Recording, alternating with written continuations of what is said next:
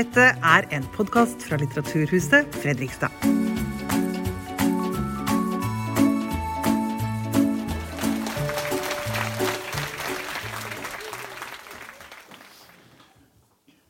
Ja, kjære alle sammen.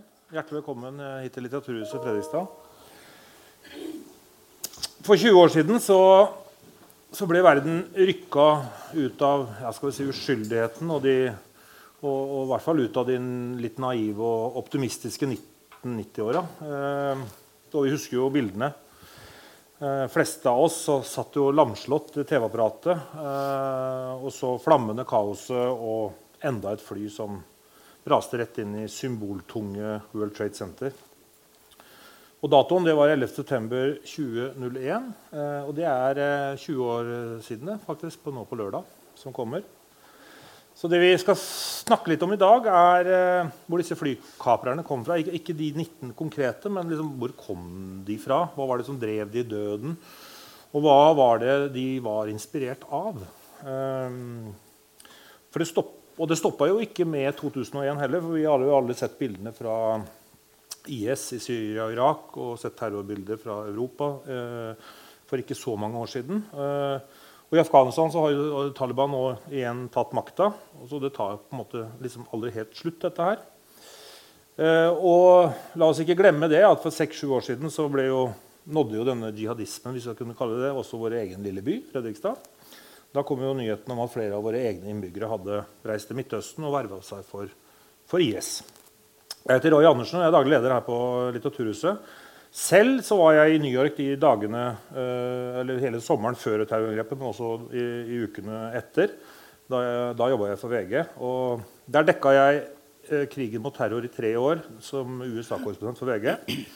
Og, og, som utenriksreporter for VG så reiste jeg også i Afghanistan og Pakistan etter 9-11. Og jeg var også vært en tur på Guantánamo Bay, der hvor mange av disse Al Qaida-fangene sitter fortsatt. faktisk. Um, men det jeg har drevet med, det er bare skraping i overflaten. For her sitter Thomas Hegghammer. Uh, han er sjefsforsker på, ved Forsvarets forskningsinstitutt. Og Heggammer han er spesialist på voldelig islamisme og en av de si, ledende ekspertene på, i verden faktisk, på jihad-bevegelsen. Og Thomas han er aktuell nå med boka 'The Caravan', som, eh, som, kom i fjor. Thomas, var det ikke det? Ja. Den handler om jihad-bevegelsen helt tilbake til ja, det er vel 50-, 60-, 70-tallet. Og det er jo egentlig der frøene til, eh, som ble til Osama bin Laden og IS, eh, ble sådd. Og mange andre grupper. Så velkommen til deg, Thomas. Tusen takk. Og, man, og, mannen på vingen her han heter Erik Kruse. Eh, mange av dere kjenner Erik. Han er jo forebyggende koordinator i Fredrikstad kommune. Og han er jo da viktig i Fredrikstad kommunes innsats mot radikalisering og voldelig ekstremisme. Så velkommen, eh, Erik. Tusen takk. Hva husker du, Erik, fra 11.9.2001? Hvor gammel var du da? Eh, ja, ikke sant? Hvor gammel var jeg da? Eh, da var jeg 33. Blir det ikke det? Ja. Eh, eller blir det det? Ja, ish. Noe sånt. Um, jeg bodde i Oslo. Jeg kom hjem fra jobb. Uh, og uh, samboeren min hadde sett på nyhetene og sa dette må du se på. Og så var det vel omtrent akkurat det bildet der som uh, fly, fly, nummer to som kom, kom, da jeg kom inn. Så det var jo sånn som en del av disse hendelsene er. er kanskje 22. juli er den andre parallellen. Altså, som blir sånn hvor du blir sittende i sofaen resten av uh, dagen og kvelden. egentlig. Mm. Hva, sånn, husker du hvordan du reagerte? Liksom, var, var liksom, sinnsstemningen din den dagen der? Nei, Det var vel en litt sånn uh, absurditetsfølelse. Altså At dette var på en måte så utafor den referanseramma vi hadde for hva som kunne skje. egentlig. Ja. Uh, og at ja, det står som en av liksom, noen få sånne type hendelser da, i, mm. i verdens, verdenskontekst. Hvor var du, Thomas Hegghammer, den, den dagen? Jeg hadde jo akkurat begynt på ungdomsskolen da. jeg var på jobb. Jeg hadde, jeg hadde begynt tidligere. Hvor, var jobben da? På, det var samme sted, ja. Forsvarets forskningsinstitutt. Ja. Og da hadde jeg brukt sommeren på um, å se på det vi kalte for bin Laden-nettverket. Uh, men, uh, men, jeg syns den sommeren at det, var, det, liksom at det virka litt sånn irrelevant. det her. At det her var jo noen folk bare oppe i fjellene uh, som riktignok virka litt sprø, men som neppe kom til å, kom, som neppe kom til å bli noe av. Um, og uh, den dagen så, så, så, var jeg på kontoret, og plutselig kommer det en kollega inn og sier du må se på CNN. Og uh, litt seinere så dro vi bort i en sånn uh, spisesal, og der hadde de tatt opp storskjerm. Så da så jeg rett, sto rett foran storskjermen og så, og så tårnene rase. Ja, det var ganske kolossalt. Men for meg så ble det jo litt sånn at det som før hadde vært liksom en sånn akademisk eksersis, det ble plutselig blodig alvor. Uh, og, og, jeg ble jo trukket direkte inn i liksom, måte, store prosesser. Altså, bare, samme kvelden så var jeg på uh, Holmgang. Jeg hadde aldri, aldri snakka med en journalist før. Og plutselig var jeg liksom på TV. Og et par uker etterpå så ble jeg trukket inn i noen sånne her, eh, prosesser i FD på høyt nivå liksom, for, å, for liksom, se på hvordan man skulle forholde seg til USA og alt det her. Og senere så ble jo på en måte, hele, hele, min karriere egentlig orientert rundt det her. En, men Skjønte du allerede den dagen, i og med at du hadde jobba litt med Al-Qaida, ikke, ikke, litt, men en del med Al Qaida og, og, og, den bevegelsen Skjønte du allerede den dagen at dette er en sånn turning point, uh, dette er vendepunktet i livet ditt, sånn rent faglig, altså karrieremessig? Nei, det, det, det, det tenkte jeg vel ikke mm. da. Um, uh, og, um, men vi, vi, var vel ganske sikre på at det var noe bin Laden-relatert den, den, kvelden. Selv om vi ikke var helt sikre da heller. Det var, ikke, var jo ikke noe, noe faste holdepunkter, egentlig. Um, men det som vi visste, vi som liksom hadde jobba en del med terror allerede, var jo at det her var altså, så, så, kolossalt mye større enn noe annet som hadde vært. Så at det kom til å bli Eh, at det kom til å få konsekvenser, det, det, var, det var, åpenbart. Det er et, eh, altså selvfølgelig ikke et positivt begrep, men det er et veldig spektakulært angrep. dette her. Eh, kan ikke du fortelle litt om hvem, altså hvor, hvor liksom, Fortell oss litt av bakgrunnen for dette. For hva, hva vet vi på en måte om dette angrepet eh, som skjedde den dagen? Jo, vi vet jo nå ganske mye. Eh, fordi eh, man fikk jo en sånn stor uh, offisiell etterforskning uh, i USA, og som publiserte de fleste av funnene. Da. Så uh, vi vet at det var 19 personer involvert i plottet, fordelt på fire fly. Vi vet at det hadde vært planlagt i, i, i, flere år tidligere. Selve ideen kom på bordet rundt 1997-98. Og beslutningen om å liksom starte den konkrete planlegginga kom helt i starten av 2000, altså drøye eh, ett og et halvt år før. Eh, og eh, de sentrale folkene, altså de, såkalte, de pilotene, eh, de dro inn ganske tidlig eh, vinteren før. Eh, til USA. Til USA.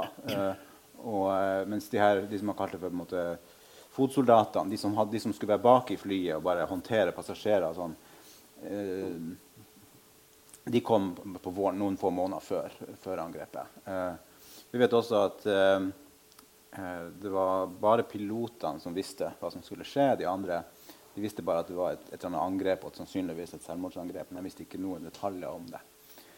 Eh, og så vet vi at, er, at, at hele operasjonen var knytta til Al Qaida og Al Qaida sin uh, treningslærer i Afghanistan.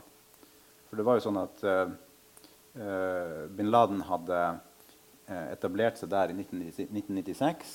Og, og, på det tidspunktet hadde han bestemt seg for at han skulle føre full krig mot USA. men han trengte en base og etablerte over de neste årene treningsleir i Afghanistan. og måtte, gjennom sitt nettverk eh, reklamerte for det her som et sted hvor folk kunne komme og trene. Men, det, men dette er jo et, et, så omfattende angrep. Det involverer så mange mennesker. Det jo, koster jo å, å, å, få dette her i stand. Man, jo, man, må jo ha en økonomi også for å få dette her til. Det må jo ha vært mange mennesker involvert. Mange dyktige mennesker også som, som, som står bak dette her. Um, hvordan i all verden klarte dere dette her uten å bli oppdaga?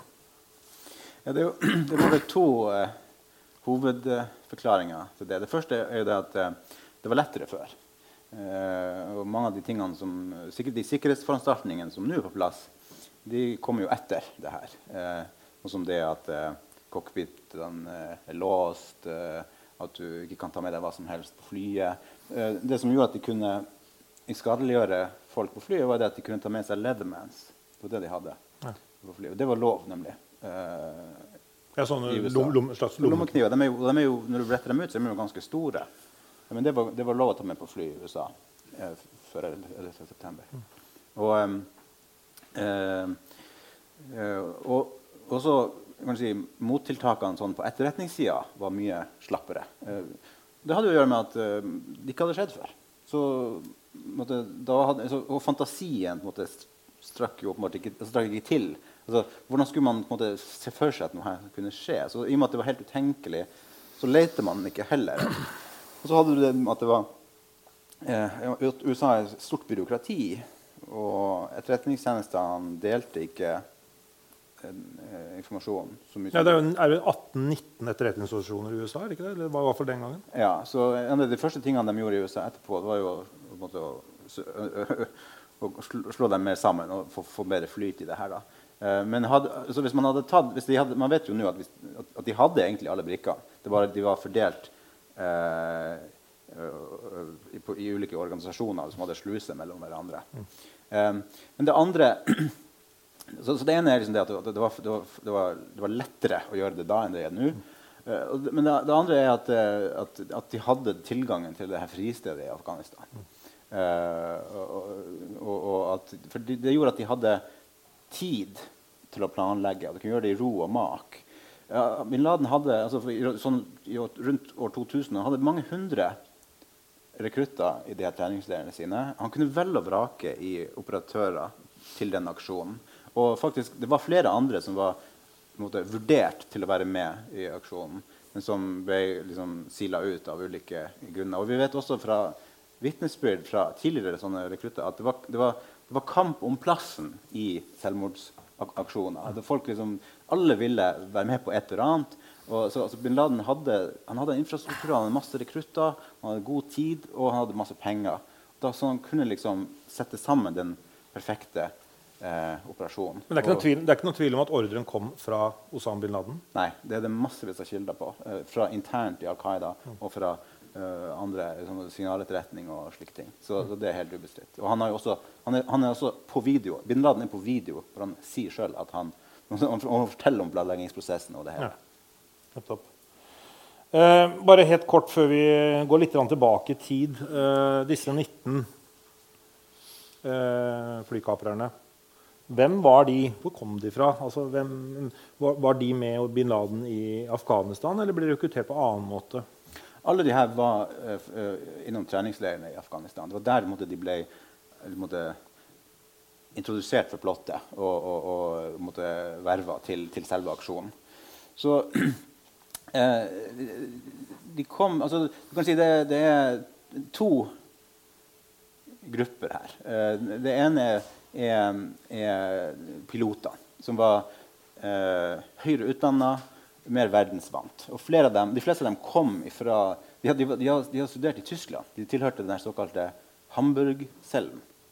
Eh, og, um, og, og, og de var på en måte best rusta til å ja, lede til å ha liksom, pilotrollen i, operasjonen. Mm. De, eh, de andre, de 15 andre det var det, det kaller for fotsoldater som, som kom fra litt her og der. Men mange kom fra Saudi-Arabia. Men det var eh, fra lavere sosiale lag. Eh, eh, og, eh, og, og, ikke, og ikke spesielt høyt utdanna. Eh, det var folk som, eh, som hadde som ofte det var liksom, litt sånn, Kanskje litt sånn som eh, eh, de guttene her fra, fra, fra, fra Fredrikstad. Altså, det var sånn gjenger. at Man, altså, man, man dro i lag noen stykker. Og, var liksom, var visste ikke, og man dro for man, kanskje man ikke hadde, visste helt hva man skulle gjøre i livet. og sånne ting. Mens de her pilotene det var litt annet kaliber på. Men også, de var også mer sånn ideologisk overbeviste. Og de alle, alle sammen havna i Afghanistan, i de Al Qaida-leirene, eh, rundt sånn 98-99 eh, av ulike om, om, om, omveier. Eh, og, Eh, nå er det jo sånn at De som dro dit, til Afghanistan, de dro ikke nødvendigvis fordi de ønska å eh, gjennomføre en terroraksjon i Vesten. Det var ikke sånn det fungerte. Det var mer sånn at de var opprørt over eh, alle de ulike konfliktene i den muslimske verden. Eh, og hadde en opplevelse av at islam var under angrep. De, på, de tenkte på Palestina, de tenkte på litt lenger tilbake i Bosnia-krigen og Tsjetsjenia. Det var en veldig blodig Tsjetsjenia-krig rundt år 2000 med skrekkelige scener fra Grosny.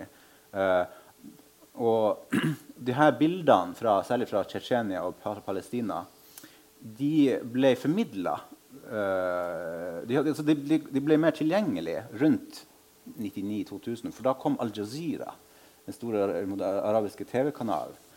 Eh, så det var eh, så mange av de her var, måtte, de var først og fremst liksom opprørt over det her liksom, globale Det de så, på som et sånn globalt angrep på islam. Og de hadde lyst til å gjøre noe med det og verve seg til en eller annen sak. Og, eh, og vi vet nå at de aller fleste som dro, inkludert flere av de her, de hadde ikke til hensikt å, å, å, å ende opp i en terroraksjon i Vesten. Men de, ville, de fleste av dem ville slåss i Tsjetsjenia. Eh, men så, så, så, hadde vi hørt da, at Afghanistan var et bra sted å dra til for å forberede seg til å slåss i Tsjetsjenia. Der kunne man få trening osv. Men så klart, når de her folkene dukka opp i treningsleirene, så ble de jo sugd inn i Al Qaida-systemet, som, som, ville utnytte dem til, å, til sine operative formål i, i, Vesten. Og de ble jo da gjenstand for ulike former for ja, rett og slett, eh, måtte, eh, altså manipulering. Altså de, ble, de, fikk, de, så på masse sånn Al Qaida-propaganda som fortalte dem at, at Vesten, det var Vesten som var ansvarlig for alle de her tingene rundt om i verden. Det, om det så var Tsjetsjenia, eller Bosnia, eller Palestina, eller Kashmir eller Filippinene. Alle steder hvor måte, muslimer var i konflikt. og sånn her. Uh, det var det Vesten som egentlig hadde, hadde ansvaret for. Og at løsninga på alt var å angripe Vesten. Og få Vesten måte, til å holde hendene unna den muslimske verden. Og sånn at eh, De dro ikke til leirene med spesielt antivestlige liksom, øh, øh, ambisjoner, men de kom ut av leirene hjernevaska med, med, og, og, helt klare for å, for å gjennomføre ting i, i, Vesten. Mm. Eh, og jeg bare, Vi skal sikkert innom dette seinere også, men så etter eh, altså Al Qaida ble jo uh, jakta veldig hardt ned uh, etter, uh, etter, ble, etter 2001 og ble, lå jo for så vidt med brukket rygg etter, etter, noen, etter, et par år. Men så kommer denne gruppa inn i bildet, IS. og vi husker jo alle bildene fra ja, Paris og andre europeiske hovedsteder. Hva, er, hva, er, linken her? for Det er vel ikke noe åpenbar organisatorisk link, kanskje? Men du kan si litt mer om det, Thomas? Ja. Um Eh, sånn kort fortalt så er jo det her på en måte Så er jo IS eh, eh, en slags eh, ny generasjon av, av, eh, av, av jihadister. Altså de, eh, så, så, enkelt fortalt, det som, det som, skjedde, var jo at, at etter 11.9. Så, så ble Al Qaida veldig kjent. Og og, og, og, eh, tiltrakk seg faktisk ganske mange nye medlemmer fra, i, i sånne radikale islamistmiljøer rundt om i verden. Det var faktisk mange i, sånne, islamister rundt om i verden som responderte på, på 11. Med å, med å ville bli med, med å engasjere seg mer. Ikke å bli avstø, liksom frastøtt, men å, men å tenke at oi, det her var jo kjempebra, og jeg har lyst til å være med i Al Qaida. Det var en slags dårlig skjult skadefryd nærmest som, som rådde? Utvilsomt. Mm. Ja, og, og, um, men, uh, så, så, og i tillegg må vi huske at uh, USA gjorde noe uh, utrolig dumt kort tid etterpå, som var å invadere Irak. Som, så, som, det var noe som de, som de hadde på en måte planlagt før eh, 11.9. Og så gjorde man det under påskudd av, av, å bekjempe terror. Men det gjorde det hadde egentlig ikke noe med Al Qaida å gjøre. Men det hardna frontene veldig? Ja, og, det, og, det, og Irak-krigen var, all, altså det var eh, veldig hadde enorm effekt på rekrutteringa til Al Qaida. Fordi at um, det bekrefta det som Al Qaida hadde sagt. Så du kan si at uh, i, på, på 90-tallet så rekrutterte jo, så, så hadde jo Al Qaida et budskap om at liksom alt er Vestens skyld, og løsninga er å angripe USA. Og, de de, de, og Budskapet deres var litt sånn forvrengt. fordi det var jo ikke riktig at Vesten var så veldig dypt involvert i, i, i Midtøsten. De, her, de, her, konfliktene som de måtte, trakk frem, som uh, Bosnia, Tsjetsjenia og sånn her, det var det jo andre ikke-muslimske land som sto bak. Ikke Vesten, ikke, ikke USA. Eh, men de Eh, sånn at det var, et, det var en slags, sånn, en slags sånn virkelighetsbeskrivelse som ikke var, ikke var riktig da, empirisk. Men det som skjedde når USA begynte å, etter, etter september, og særlig med Irak-krigen, var at de, da inntok de den rollen som de hadde blitt tilskrevet av Al Qaida tidligere. Eh, og da ble den, det budskapet til Al Qaida empirisk korrekt. Eller i hvert fall, eh, det, det hadde i hvert fall det var i hvert fall mer empirisk korrekt. Og det gjorde jo at det var flere som måte, kjente seg igjen i den verdensbeskrivelsen og fikk lyst til å måte, slutte seg til saken. Og, og, det i tillegg til at selvfølgelig at inne i selve Irak så hadde folk et uh, naturlig uh, eller no, Noen hadde liksom en, en, naturlig uh, måte, reaksjon med å vende seg mot det de så som okkupanter. så du fikk en intern irakisk mobilisering og rekruttering ja. til jihadisme. Og Eh, så, så, så, særlig med Irak-krigen så får du en voldsom oppblomstring av, eh, av, av, eh, militant islamisme. Og det gjør at Al Qaida går fra å være en organisasjon til å bli en bred bevegelse. Eh, og blir da faktisk en sånn, slags sånn konglomerat av grupper.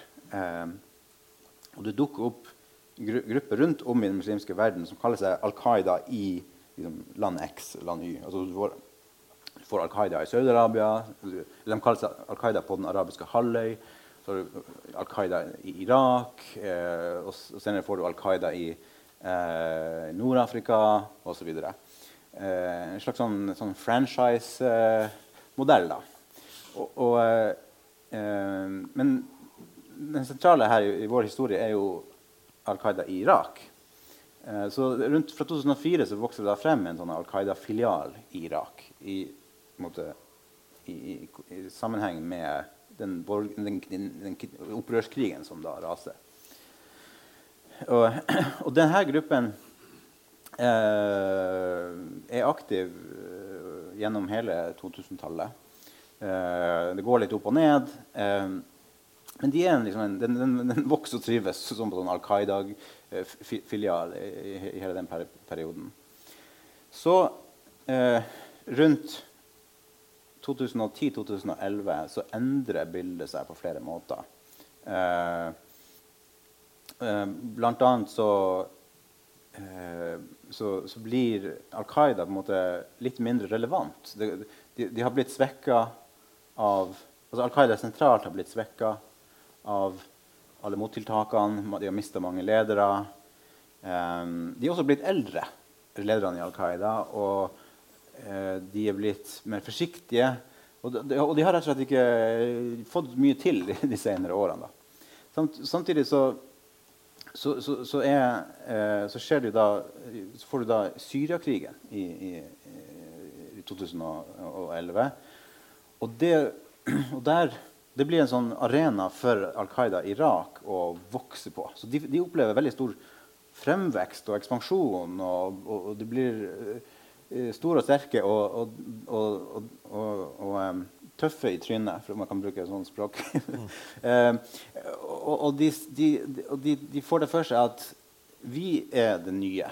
Vi er den nye vinen i uh, jihadismens verden, og Al Qaida er passé. Så vi skal bryte med, med, med med Bin Laden, for han er død, han ble drept i 2011. Men vi skal bryte med det som er en av Al Qaida sentralt, og vi skal starte noe nytt. Uh, og Eh, det er jo det her som blir IS, altså den islamske staten. Altså, ord, den formuleringa er jo veldig viktig. for de, de, de, de presenterer seg som liksom, den ene og legitime islamske staten. altså noe som, som, som har mer legitimitet enn noe annet, inkludert, inkludert gamle Al Qaida. Så det er en slags sånn generasjonsskifte. Liksom, og det er yngre folk involvert. Som, og, de, og, og, det vi ser også, det er at de tiltrekker seg altså Fra rundt 2013 så, så det er IS som soper med seg absolutt alt av ny rekruttering verden over til jihadisme. Da, I 2014 så er det ingen måte, radikaliserte ungdommer i Europa eller noe annet sted som engang vurderer å slutte seg til Al. Det er helt passé. Nå skal alle til, til IS. Og, og, og, og, dermed så vokser IS noe kolossalt. Men, men Hegghammer, jeg, jeg, det er jo en ting som uh, jeg lurer på her. Hvor viktig var, er, var og er religionen oppi dette? her? Vi, vi, har, vi hører jo fra enkelte hold at liksom, islam er en voldelig religion, og denne terroren og disse terrorgrupperingene er nærmest et bevis på at islam er en voldelig religion. Hvor, hvor viktig er religionen oppi denne rekrutteringsfasen? Og, og hvor viktig har, har, religionen vært oppi i disse bevegelsene? Eh, religion er viktig. Eh, I den forstand at i hvert fall religion i betydninga eh, de, de, religiøse ideene som de her personene har. Men liksom, utfordringa er jo det at de religiøse ideene er ikke konvensjonelle. De er ikke, det er ikke ortodokse ideer innenfor, innenfor islam. Dette er veldig ekstreme ideer som har lite gehør i den islamske verden som helhet. Um, og Hvis man bare skal ta den, det her med islam som voldelig religion, så, så, er jo det helt avhengig av hva slags tidsvindu man ser på. Uh, hvis man ser på de siste 20-30 år, så, det, så virker det veldig tydelig fordi det er et empirisk faktum at uh, mesteparten av uh, dødsfall fra uh, terrorangrep har forekommet i den muslimske verden, og, som, og, og, i hovedsak fra islamistiske grupper. Men sånn var det jo ikke før denne perioden. Da var det andre aktører, andre typer ideologier som sto for mye død og fordervelse. Så hvis du utvider dette vinduet så blir det straks mer utydelig. Skal vi gå tilbake, liksom, skal vi ta med liksom, alle kriger og så videre, som har vært i Europa og andre steder? Da blir det straks veldig mye mer utydelig. Men sånn at dette er jo et tidsspesifikt uh, fenomen. Mm. Men tilbake til det her med religion. Uh, det er jo en kombinasjon av si, politiske ideer og religiøse forestillinger. Uh, men religion kommer inn i bildet på, på to måter. det ene er jo at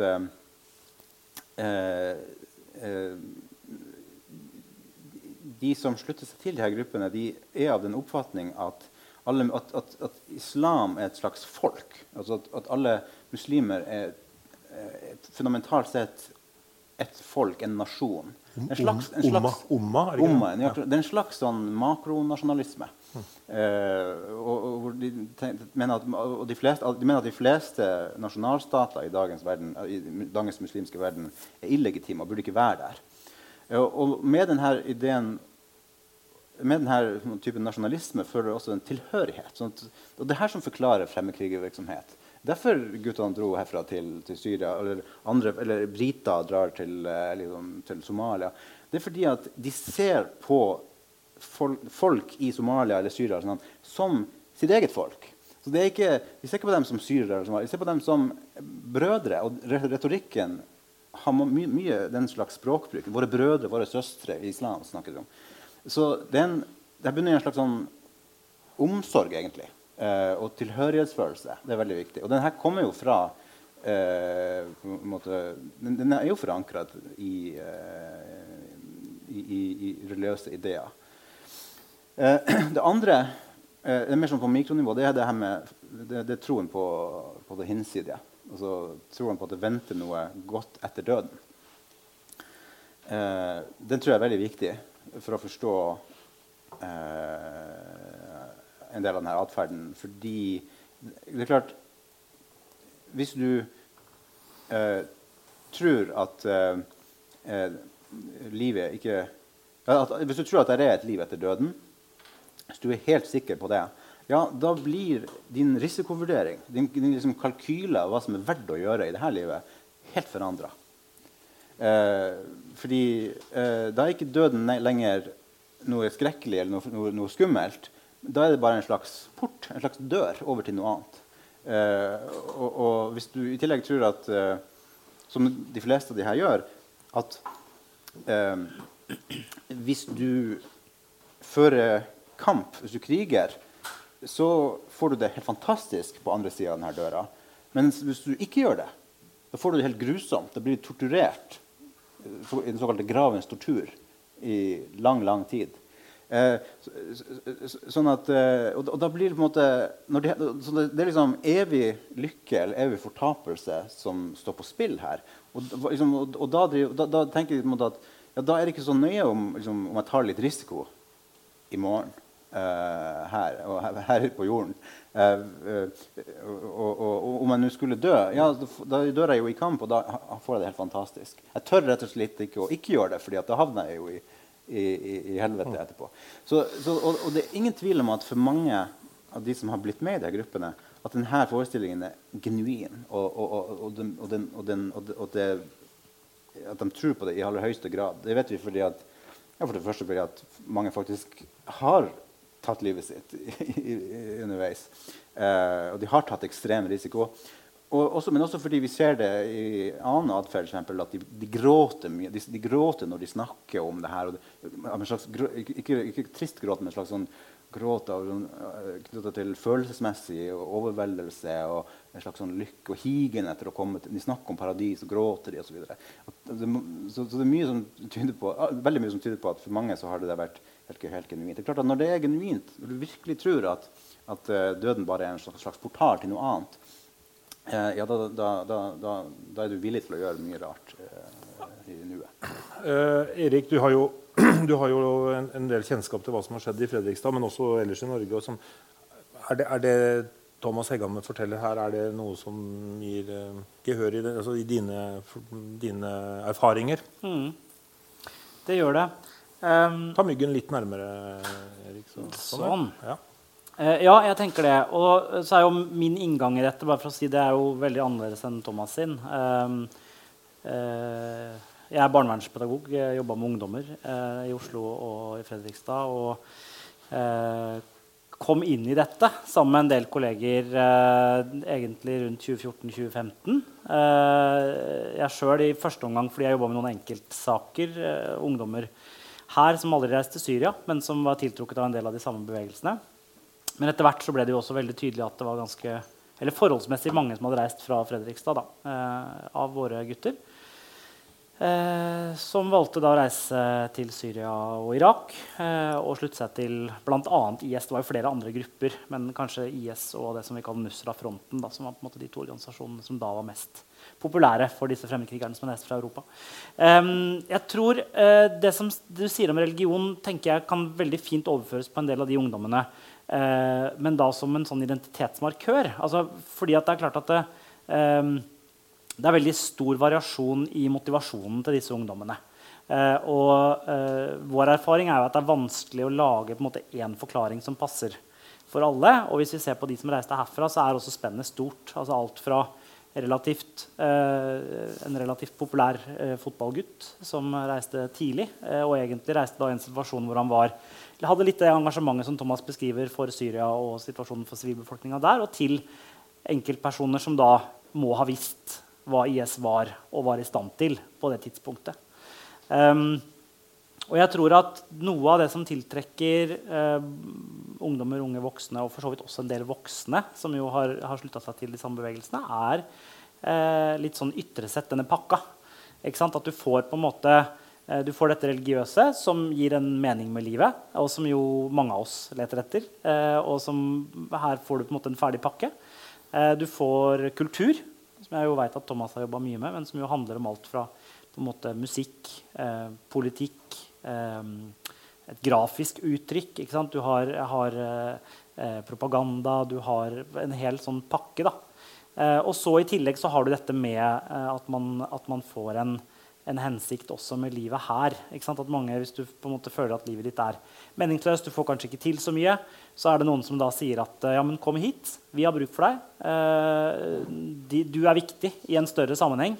Eh, og du kan gjøre en forskjell eh, både i Syria, for eksempel, da, men også da for ditt eget liv, eh, om det er før eller etter døden. da. Vi skal, vi skal, hoppe litt tilbake i tid, fordi det starta jo, jo, ikke med bin Laden. Det starta jo lenge før. Nå skal vi se nå, ikke litt fort her.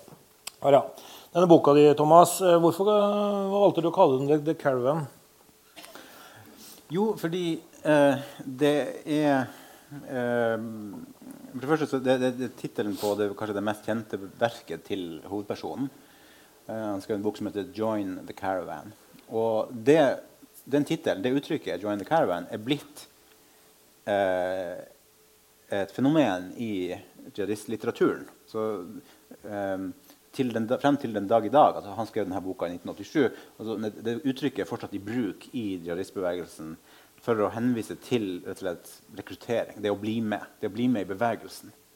Eh, og, og, eh, og, og, også brukes ofte i sammenheng med selvmordsaksjoner altså, eller martyroperasjoner. hvor vi snakker om at han, han slutter seg til karavanen av martyrer. Eh, eh, og, så det er også litt, men det er også litt for å, for å henvise til sammenhengen, den lange linja her som går fra 1980-tallet fram til i dag. Eh, at det er en karavane av eh, aktivisme, aktivisme, aktivisme av, og, og, og, og, personer eh, som på en måte og det her, alt dette henger sammen på en måte. At det, det, det, liksom, det, liksom, det er en kjede av og du, og du kan, De folkene som nå er sentrale i uh, IS eller Al Qaida, de kjenner folk de, de, de var direkte i kontakt med andre folk som var aktive kanskje på 2090 også på 1990-tallet. Og de kjente igjen folk de var i direkte kontakt med folk som slåss i Afghanistan. Altså, sånn, sånn, en slags direkte kjede her da, som er en slags karavane. Så det var grunnen. Ja. Eh, bra. Den, den, eh, den, karavanen, da, eller den, eh, denne reisen, skal vi litt inn i nå. fordi dette er jo bilder fra og dere ser jo, Det er jo sort-hvitt-bilder, så dette her er jo da fra, fra, fra 80-tallet. Eh, og dette er Sovjetunionens eh, invasjon i Afghanistan. Eh, og det er jo nesten sånn at hvis man hadde lagt farge på det bildet, så kunne det vært fra, fra, fra denne uka. Mm. Eh, det, er jo, eh, det er jo som om historien gjentar seg her. Eh, og og alle kjenner jo til den historien med Sovjets eh, invasjon i Afghanistan i 79. Eh, som da eh, møter kraftig motstand i Afghanistan. Og denne mujahedin-bevegelsen vokser fram. Eh, det er, vel, det, er, det er, et slags vendepunkt i dette her, Thomas. er Det ikke det? Altså, det er jo her på en måte historien om på sett og vis dette her, Selv om det har enda dypere røtter, så er det jo liksom her det skyter fart. Er det ikke det en riktig beskrivelse? Jo da, absolutt. Dette er the big bang i jødismens historie.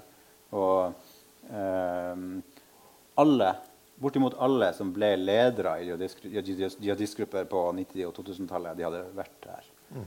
Inkludert bin Laden selvfølgelig, og andre. Uh, og, og, du fikk jo det her sånn, alumni-nettverket med sånn, veteraner fra Afghanistan-krigen som, som, som, som, som drifta um, de her gruppene i årene etterpå. Eh, og mange av de sentrale ideene og, og, og verkene, sånn som denne Join the Caravan-boka, ble skrevet da. Eh, men sånn ideologisk sett, det som, det som, er, det som skjer her i det her tiåret, 1980-tallet, er jo eh, at ehm, eh, den radikale islamismen eh, blir, blir dreid, dreier seg mot internasjonale spørsmål. Til forskjell fra innenrikspolitiske spørsmål. Man kan si at det, måte, det blir globalt, på en måte? Ja. Så du kan si at det er to ideer som, som har vært sentrale i, uh, i, i i, all form for måte, religiøs, altså, religiøs uh, politisk virksomhet i den muslimske verden. Helt siden, helt siden du fikk islamistgruppe på 1920-tallet. To sentrale ideer. Det ene er at uh, våre egne interne mak makthavere, altså muslimske ledere, er ikke gode ledere for, for, for, for det muslimske folk. Er, mange av dem er korrupte, og de bør avsettes og, og erstattes med eh, religiøst eh, måtte, renere eh, personer eller eh, ledere. Og, og, og, rettssystemet bør eh, islamiseres. Det er det ene. altså at Man, man har en sånn intern oppvask. Og Den andre ideen det er at, at islam det, altså at, at, at islam har mange ytre fiender. Og, og, det er mange ikke-muslimer ikke vil, vil muslimer vondt. Og, og, at man må måtte forsvare seg mot den, den trusselen. De her ideene de, de har, de har liksom sameksistert alltid i en eller annen slags blanding. Eh, og perioder så har den ene dominer, ideen dominert over den andre. Det har vært, noe, vært, litt, av, litt, av, begge deler i, i, alle, i, alle, tider og alle sammenhenger. Um, det som skjer på 80-tallet, er det at uh, man går fra en situasjon hvor, her, hvor, hvor det innenrikspolitiske sto sentralt, for det gjorde det hele veien måte, fra 20-tallet fram til 1970-tallet. Det var Hovedfokuset til islamistgrupper det var å få innenrikspolitisk endring.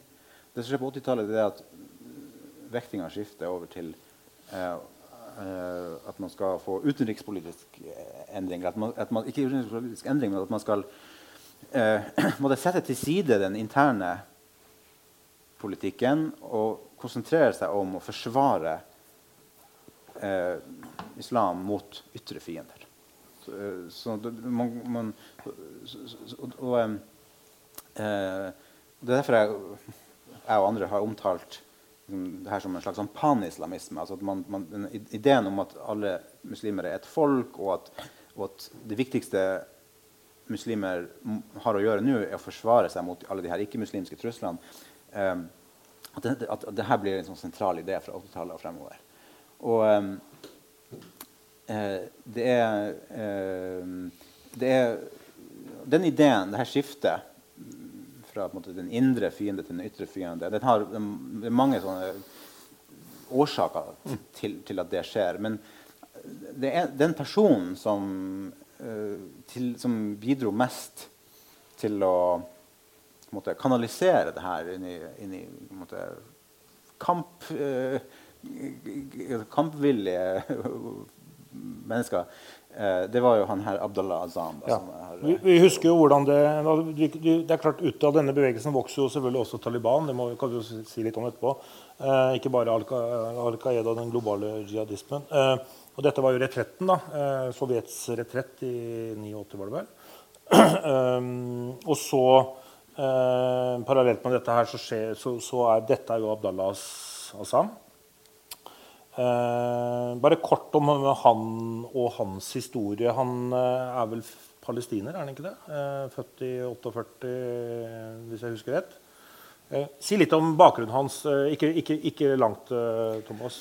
Det, det, det, viktigste er jo at han ikke var afghaner. At, at han kom fra Palestina. og at og, og, det, og, det, det, i seg sjøl er jo egentlig litt sånn spektakulært. for at I Palestina foregår det jo en annen konflikt. Eh, og palestinere har sin egen nasjonale frigjøringskamp. Så bare det faktum at en palestiner og, og Han var ikke den eneste uh, sådanne, for øvrig. Men at en palestiner på en måte forlater den palestinske kampen for, så, for, å engasjere seg i en annen, helt annen frigjøringskamp mange tusen kilometer unna, er symptomatisk for denne ideen om at uh, alle muslimer er et folk, nasjonale grenser har ikke noen betydning, og vi har alle slags solidarisk ansvar for å forsvare hverandre. Så han var liksom, kanskje en av de aller første sånne, ordentlig sånn transnasjonale eh, aktivister. Eh, en slags sånn Hva det heter sånn, på norsk sånn 'citizen of the Islamic world'. eh, I tillegg var han islamsk teolog. Det ga han innflytelse. Eh, fordi han kunne belegge sine påstander og formaninger med religiøse referanser. Det gjorde at flere lytta til han og liksom tok det seriøst. Så når han kom og sa at eh, hvis ikke Nå er det krise i den islamske verden, spesielt i Afghanistan og Palestina. Alle muslimer i hele verden har en religiøs plikt til å reise enten til Afghanistan eller Palestina.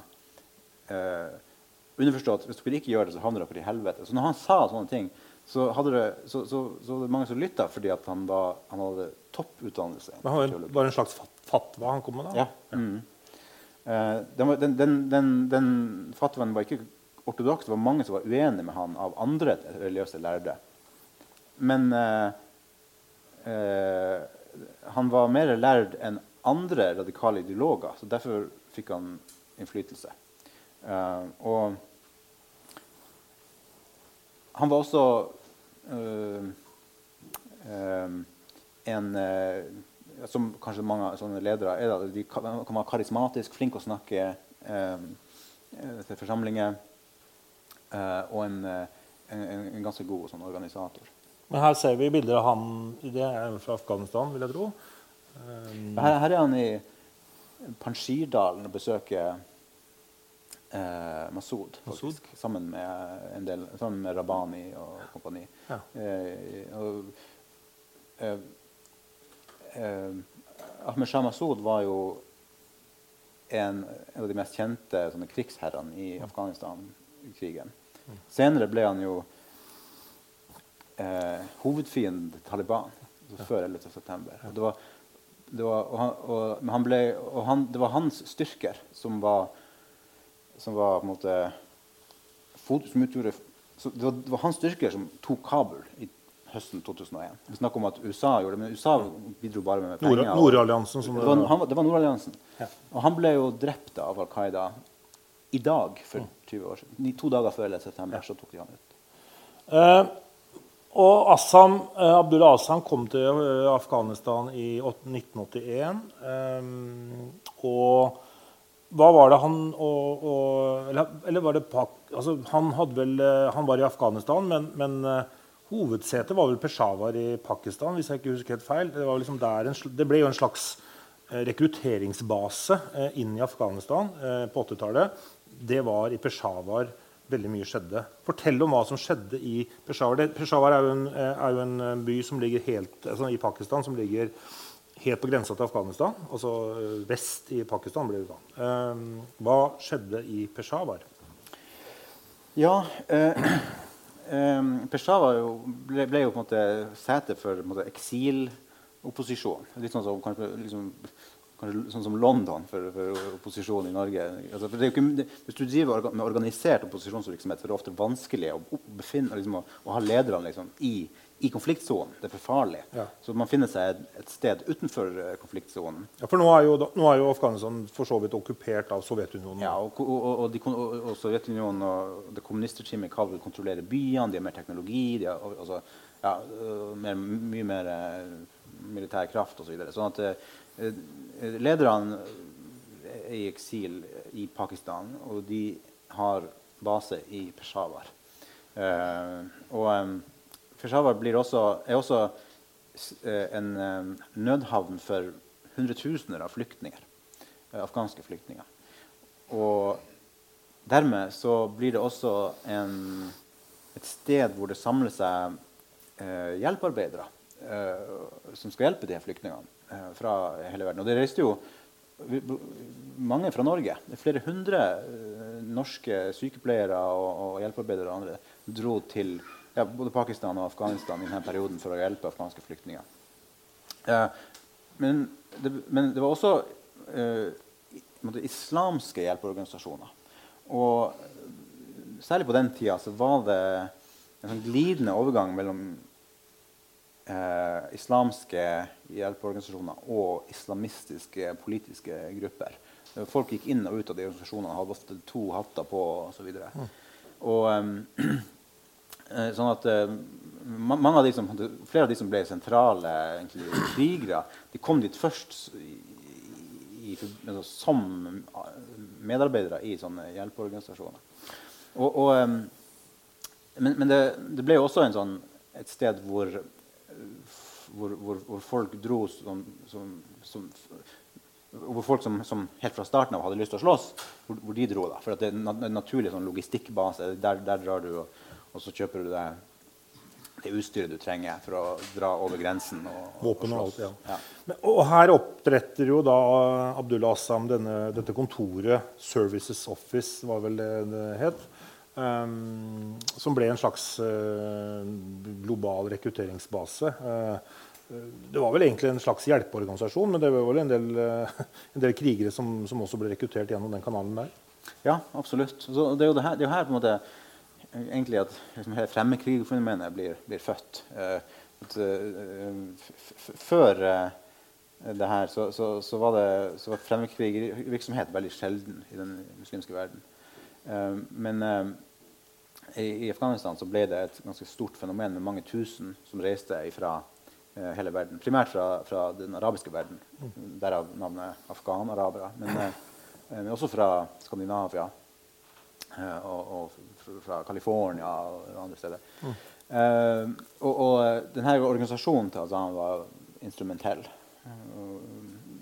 fordi de, de, de, de tilbød rett og slett uh, tilbød folk eh, liksom et sted å bo og et sted liksom, hvor de kunne eh, dra til og få informasjon om kunne, altså hvordan man kom seg videre til Afghanistan. Og en av dem som, eh, jeg, jeg, Nå er jeg litt på utrygg grunn her, men, men, en av de som på en måte kom inn i denne trakta her, var jo Osama bin Laden. Eh, jeg vet ikke om han, også, om han, kom inn via Services Office eh, til Assam. Eller, altså, hva vet vi om, for Osama bin Laden dukka jo også opp i Afghanistan omtrent på denne tida her. altså sånn Eh, han var vel også der på 80-tallet. Eh, og hva vet vi om forholdet mellom Abdullah Assam og Osama bin Laden? Altså, møtte de hverandre noen ganger? Hadde de noe med hverandre å gjøre? Altså, hva, vet, hva, vet, vi? Det fins ikke noen bilder av dem sammen, så vidt vi vet.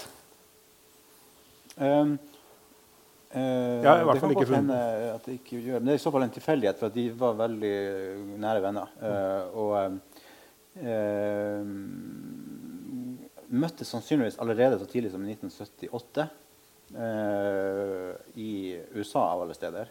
Eh, mens Azam var der og snakka på en konferanse, og bin Laden var på besøk.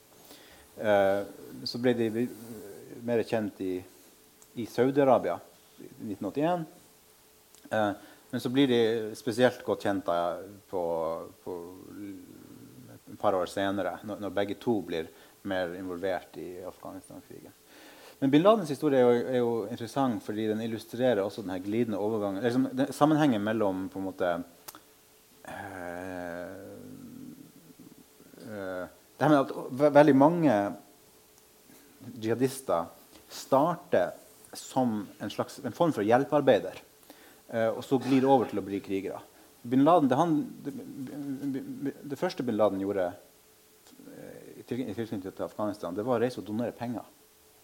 Fra 1980, helt fra starten, så reiste han regelmessig fra Saudi-Arabia til uh, Pakistan. Og han hadde mye penger? Han hadde masse penger. Og, og, han, og, han, uh, og han, var veldig religiøs uh, og, opptatt av det her med å hjelpe andre muslimer rundt omkring i verden. Så han, så han, han begynner da fra, helt fra starten å reise til Pakistan og gi penger til Jamaat Islam, som en, en islamistgruppe eh, der som sto, som sto, den afghanske opposisjonen nært.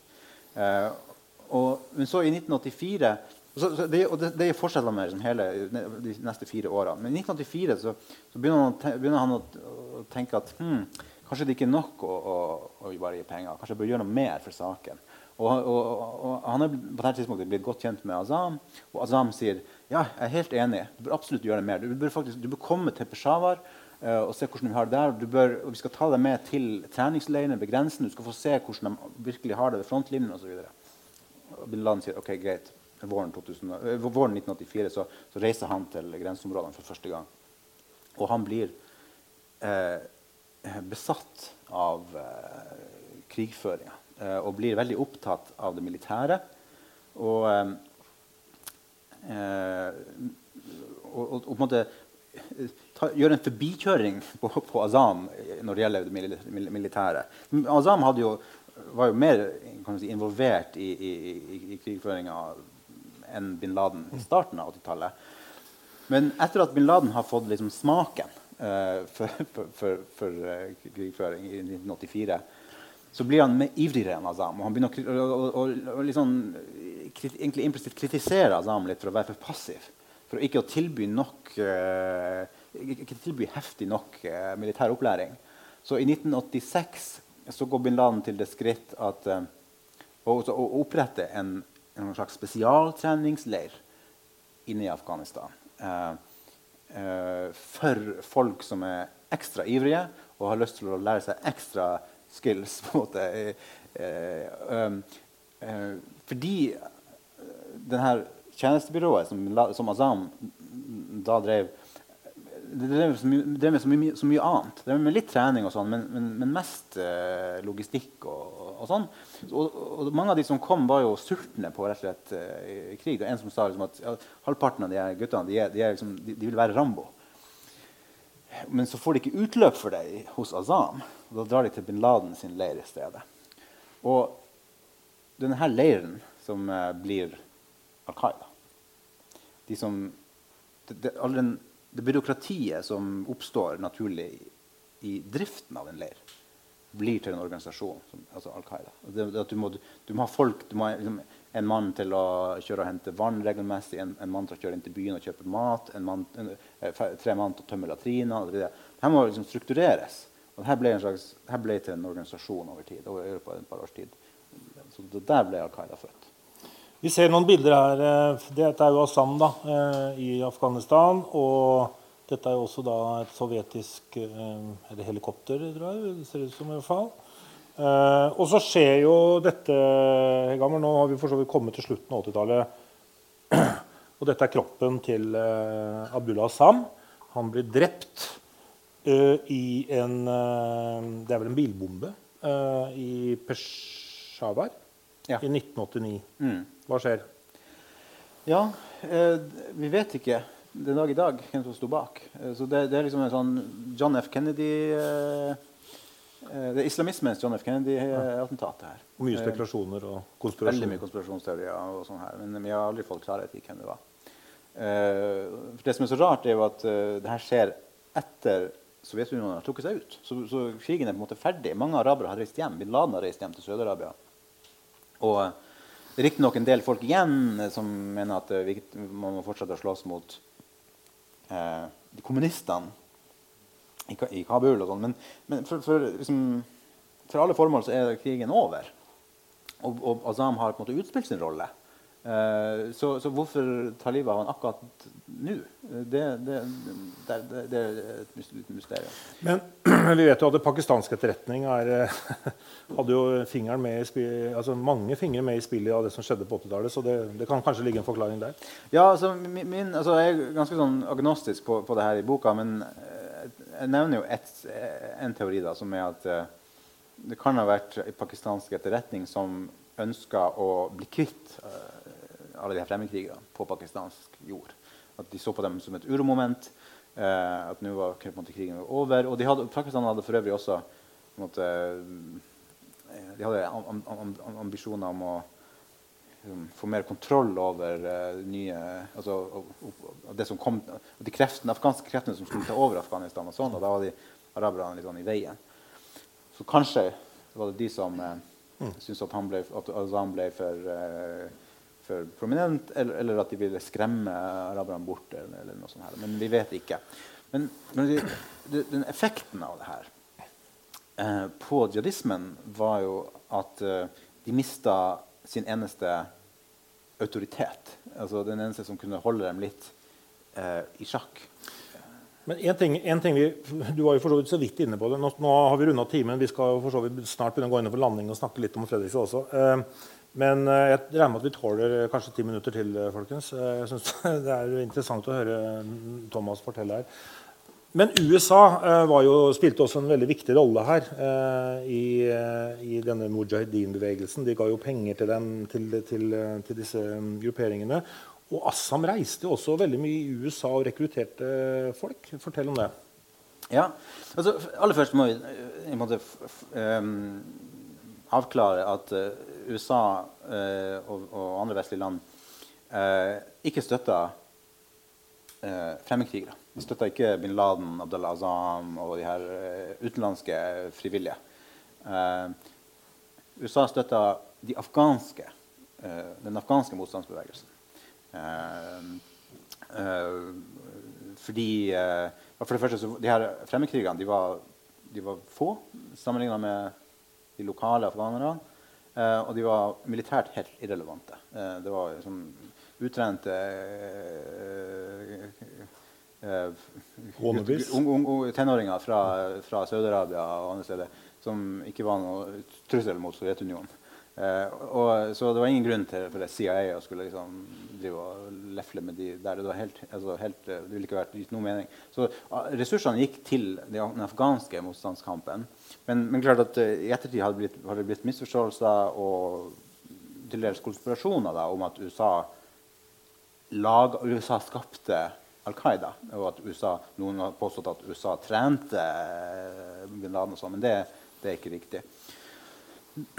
Men når det er sagt, så er det klart at eh, Eh, det at USA eh, altså det, det, at, eh, det, at, USA og andre vestlige land støtta den afghanske motstandskampen, gjorde det at det var mye fri altså Det var lettere for alle andre som også drev med støtte til afghanerne, å operere. Også folk som Azam og bin Laden, som hadde mer radikale ideer.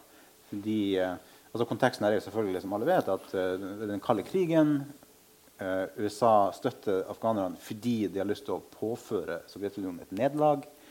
Uh, og, uh, og, og, og, det er bred sympati for den afghanske saken. For øvrig også her i Norge. Masse støtte og pengeinnsamlinger og fakkeltog. og til og med sånn et gateløp for Afghanistan var det i Oslo.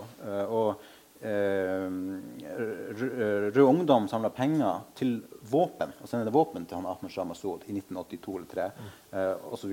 Stort, Stortingets utenrikskomité reiste til Peshawar i 1986 eh, for å eh, møte eh, deler av den afghanske motstandsbevegelsen. Møtte de, Vet du om de møtte Nei, jeg vet ikke akkurat hvem de møtte. men de, og det var også for å se at Norge bevilga mye penger uh, via bistandsbudsjettet til afghanske flyktninger. De ville nok for å se at, hvordan pengene var brukt osv.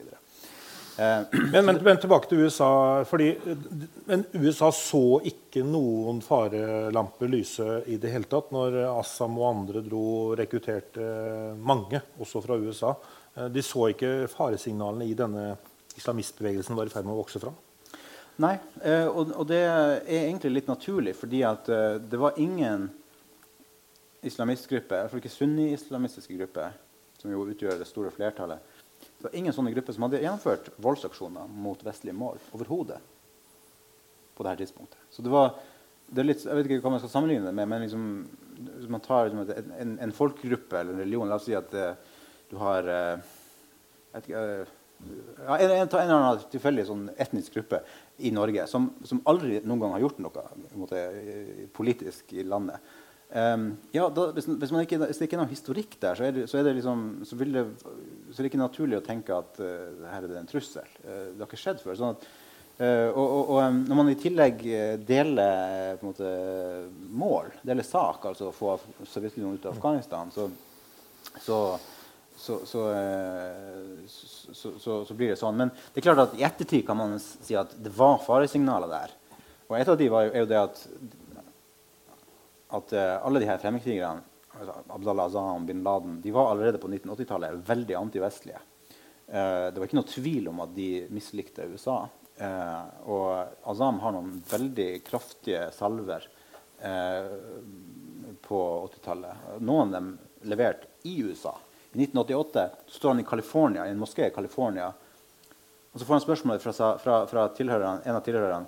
Ja, det er jo intifada, altså opprør, palestinsk opprør nå i, i Palestina. Um, I denne anledning er det, er det legitimt å drepe eh, jøder i, altså på amerikansk territorium. Eh, eller er det, og, og er det legitimt å drepe amerikanske borgere som støtter Israel her i USA? Selvsagt er det det, sier Adam. Eh, det er kanskje ikke så lurt, men eh, fra et sånt teologisk ståsted er det helt legitimt. Ja. Eh, og, og, og her, han, Abdallah Zam redigerte også et tidsskrift gjennom siste halvdel av 80-tallet som er stoppfullt av antivestlig eh, liksom budskap og konspirasjonsteorier. Og, og masse artikler om hvordan all den vestlige hjelpen til afghanske flyktninger var egentlig et sånn hemmelig program for å skade sivilbefolkningen. Og, og, og, masse historier om at ja, Røde Kors de drev med systematisk amputasjon av friske lemmer. Eh, fordi eh, de representerte liksom, korsfarerne og ville bare islam og afghanerne vondt. Også sånne ting drev de med. Sånn at, eh, det her, og det her i ettertid altså, Vi kan selvfølgelig se at her, her er liksom røttene til den ekstreme anti, antivestlige ideen. Uh, Erik, eh, denne Assam-figuren eh, som har vært død lenge hvor, hvor, har, du, har, du, støtt på det navnet i, når du måte, har sett på denne radikaliseringen? Altså, det jeg egentlig spør om, altså, hvor, hvor, viktig er han i dag i forhold til, eh, til radikalisering, og hvor man henter inspirasjon og, og, og ja, dette bra. Kan tenkes Thomas er bedre til å svare på det. Jeg, jeg, det er jo et navn som man kjenner, og det er jo de lange linjene som på en måte blir viktige for en del av de som er knytta til disse voldelige islamistiske miljøene, og som er eh, hva skal jeg si, eh, skolert og bevisst. Og der er det også et stort spenn. At du har på en måte alt fra Uh, unge voksne uh, ungdommer som, som, blir fascinert av det umiddelbare. Om det handler om opprettelsen av kalifatet uh, i, i, Syria og Irak, eller om det handler om på en måte, IS sin propaganda. Og så har du jo også deler av disse bevegelsene som er veldig bevisst på at de er en, en litt denne karavanen. Da, en lang rekke, og som jo strekker seg langt tilbake i historien. Um, men der er det jo mange andre, sånn at jeg har ikke støtt på, støtt på han i på en måte ungdomsmiljøene. Eh, og der er det nok eh, andre ideologer og, og, på en måte mm, lærde som blir viktig. Da. Men det er jo et stort det, Dette er jo ett eh, av, et av flere miljøer eller en av flere organisasjoner. Og det er jo også en, en, en flora av små og store grupper eh, som også tilpasser seg litt sånn tidens, hva, hva, hva, vet du i dag Erik, om hva som foregår? Eh, under overflaten, f.eks. Ja, i Østfold og kanskje her i Fredrikstad. Altså, er, det, er, dette liksom over nå, eller eh, kan vi slå oss til ro med at dette er liksom et tilbakelagt stadion? Eller, kan dette, eller ligger det noe under der som vi, som vi ikke helt ser? Eh, det er nok ikke jeg som har fasiten på, men, men, vi lener oss jo på, på både norsk Men du snakker jo med politiet? Ja da. Eh, men, men, vi baserer oss jo på, på, på de offentlige trusselvurderingene til, til, PST, som jo er tydelige på at de mener at voldelige islamistiske miljøer også i dag kan utgjøre en trussel både i Norge og, og i andre land. Eh, og selv om eh, fremmedkrigervirksomheten sånn som vi så den eh, i kanskje særlig 2013, 2014, 2015 og, og dels 2016 eh, har dabba av av naturlige årsaker. Både fordi det miljøet som sto for mye av rekrutteringa i Norge, eh, langt på vei i hvert fall ytre sett ligger med brukken rygg. Um, men også fordi situasjonen i Syria er helt annerledes eh, i dag, så har jo vårt perspektiv vært at vi må være eh, oppmerksomme på at dette kan skje igjen. Og at dette med på en måte fremmedkrigerfenomenet som Thomas sier nå om knytta til Afghanistan, eh, knytta til eh, Somalia og, og Al Shabaab, knytta til andre land i Midtøsten, også i Nord-Afrika, er det jo aktivitet i en del av disse bevegelsene. Og at det gjør at vi også her må må, må være årvåkne. Men, men, vi har ikke noen holdepunkter for å tenke at her er det eh, miljøer i Østfold eller i Fredrikstad som er aktive og organiserte.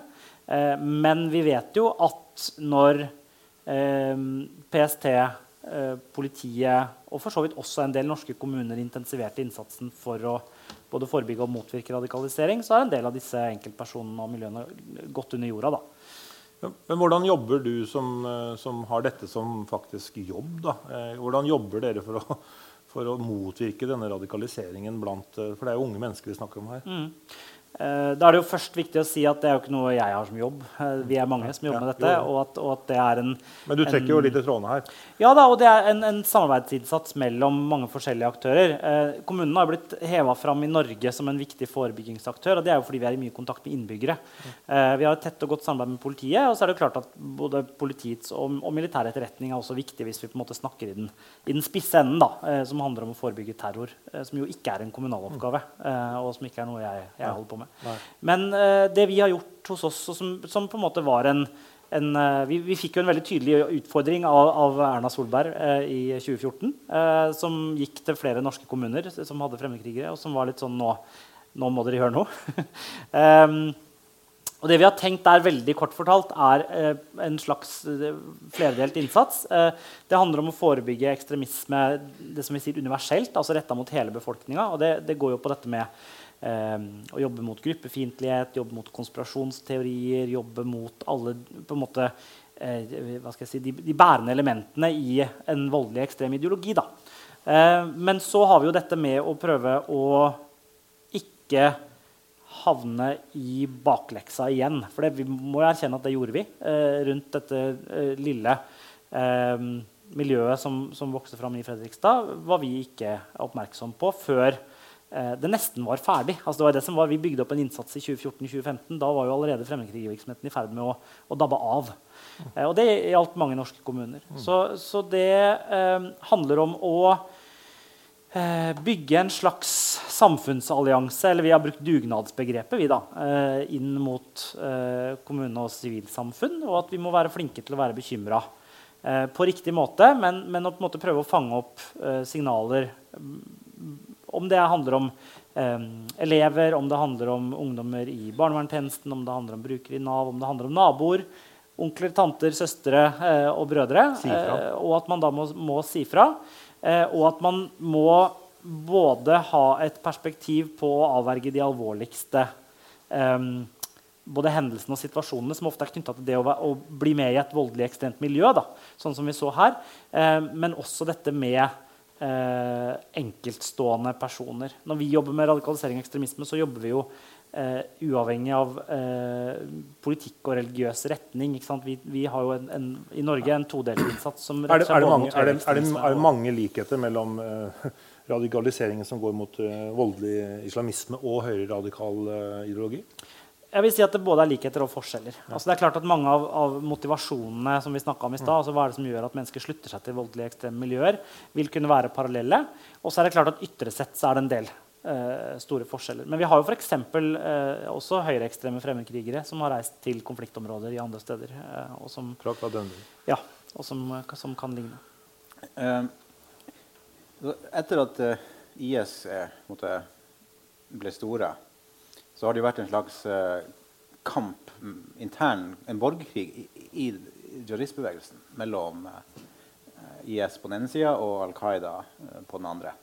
Og de, de, her, de, de, leirene representerer på en måte helt liksom kompromissløshet, altså IS, og pragmatisme på den andre. Hvor IS liksom, de vil ikke sette noe til side, og, bruke, og de vil gjerne bruke de aller mest ekstreme metodene. Og så liksom IS' linje. Mens Al Qaida sin linje er sånn, enkelt fortalt at de er litt mer pragmatiske, vil vente og se, ta litt med ro, prøve å unngå, unngå unødig vold, unngå, unngå å drepe for mange muslimer osv. Og, um, i flere år nå så har jo IS liksom, uh, leda. De har fått mest De har, de har, de har tjent en viss grad på den her uh, På å være liksom, den, den, mest den tøffeste, den tøffeste gruppa i gata. Da. men det har, hatt, har, nok hatt en sånn langsiktig pris. Jeg tror det har vært, et, kommet et backlash uh, mot uh, hele IS-bevegelsen. Uh, og det har gått opp for flere enn tidligere i, i den muslimske verden hvor, hvor, hvor, det kan, hvor, galt det kan gå hvis man på en måte lefler for mye med de her ideene. Altså, da ender man altså, IS liksom et eksempel på hvor, ekstremt det kan, faktisk kan bli. Så, så poenget her er at eh, Talibans seier er et, et, et veldig viktig, egentlig, viktig sånn, eh, det, det, det, støtter den andre, mer pragmatiske leiren. Nå er ikke Taliban og Al Qaida det samme. De vil ulike ting. Altså, Taliban er nasjonalt orientert. Taliban har aldri drevet med internasjonal terror. Men de er likevel måte, historiske samarbeidspartnere med Al Qaida. Um, og, um, så, sånn at Talibans seier er en slags sånn seier for den pragmatiske, tålmodige, litt forsiktige linja. Uh, versus uh, Eh, IS som er liksom den helt gærne, eh, hyperekstreme linja. Og det, som, og det fikk en sånn, sånn minivignett i Kabul når, rett etter at Taliban har tatt over, prøver å få kontroll over Kabul, gjør det hele egentlig ganske eh, rolig og utenfor mange drepte osv. Eh, Og så kommer IS og bare sprenger, dreper mest mulig folk, hvem som helst, amerikanere og afghanere og lokale, liksom, i folkemengden på flyplassen. Det illustrerer veldig godt hele denne dynamikken. Uh, og uh, Taliban jo, blir jo da, uh, er jo da i full krig med IS, som det for øvrig har vært en liten stund. Men poenget her er, som sagt at Talibans seier er liksom en seier for denne litt sånn pragmatiske islamismelinjen. Som er både altså for, for, Vesten på en måte så er det både positivt og negativt. naturligvis. For det er positivt i den forstand at det fører ikke det kan, altså, andre islamister tar den lærdommen at ja, kanskje vi ikke bør være så ekstreme som IS. På andre sida så, så, så, det så viser det jo at eh, ja, um, bare, bare, med litt, litt, mindre radikale metoder så kan man gå nå veldig langt. Så la oss fortsette med det, med det vi gjør. da. Det siste bildet nå har vi for så vidt vært inne på det, det er jo Talibans uh, maktovertagelse i Afghanistan uh, for en par uker siden. Helt kort til slutt, uh, Thomas. Hva, hva betyr dette for uh, islamistbevegelsen i årene framover? Altså, er, er, det noe vi kan, hva slags betydning har, denne, har dette å, å, si? Tror du? For nå, er vi, nå, ja, er vi på, nå, nå ser vi inn i glasskula. og gjetningens ja. uh, arena her. Men uh, jeg tror at det vil styrke en trend som vi, som vi, har sett en tid, som er mot at, som er trenden i retning av altså, mer moderasjon i eh, islamistbevegelsen. Altså at, at, bevegelsen består. At det, at det er aktører som jobber for å måte, islamisere samfunnet i ulike muslimske land. Men at de er mer, litt mer pragmatiske og holder seg til nasjonale agendaer. Og ikke eh, drive med internasjonal terrorvirksomhet. Uh, jeg tror at det her føyer seg inn i en rekke med sånne utviklinger i siste tida. Hvor, hvor, grupper som så lenge grupper, som, som, holder seg liksom, lokale og, uh, og un, klarer å unngå måtte, det amerikanske militærets vrede, at de kan gjøre det ganske godt. Og ingen da har gjort det bedre enn Taliban. Så, så, det er en slags signal til den, eh, kan man si, den retninga. Litt sånn pragmatisk man skal kalle det pragmatisk ekstremisme. Eh, at, den, at, at, det, at det, er far, det, er en farbar vei. Eh, så, så, jeg tror vi står overfor en periode med lite internasjonal terror. Få aksjoner i Vesten.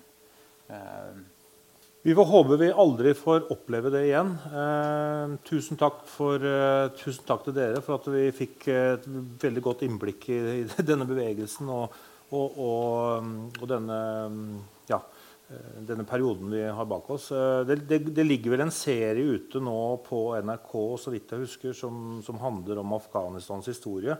Ehm, den er verdt å se. Eh, den tar, oss, tar også opp i seg mye av dette her. Den, den tror jeg ligger på playeren til, til, til NRK.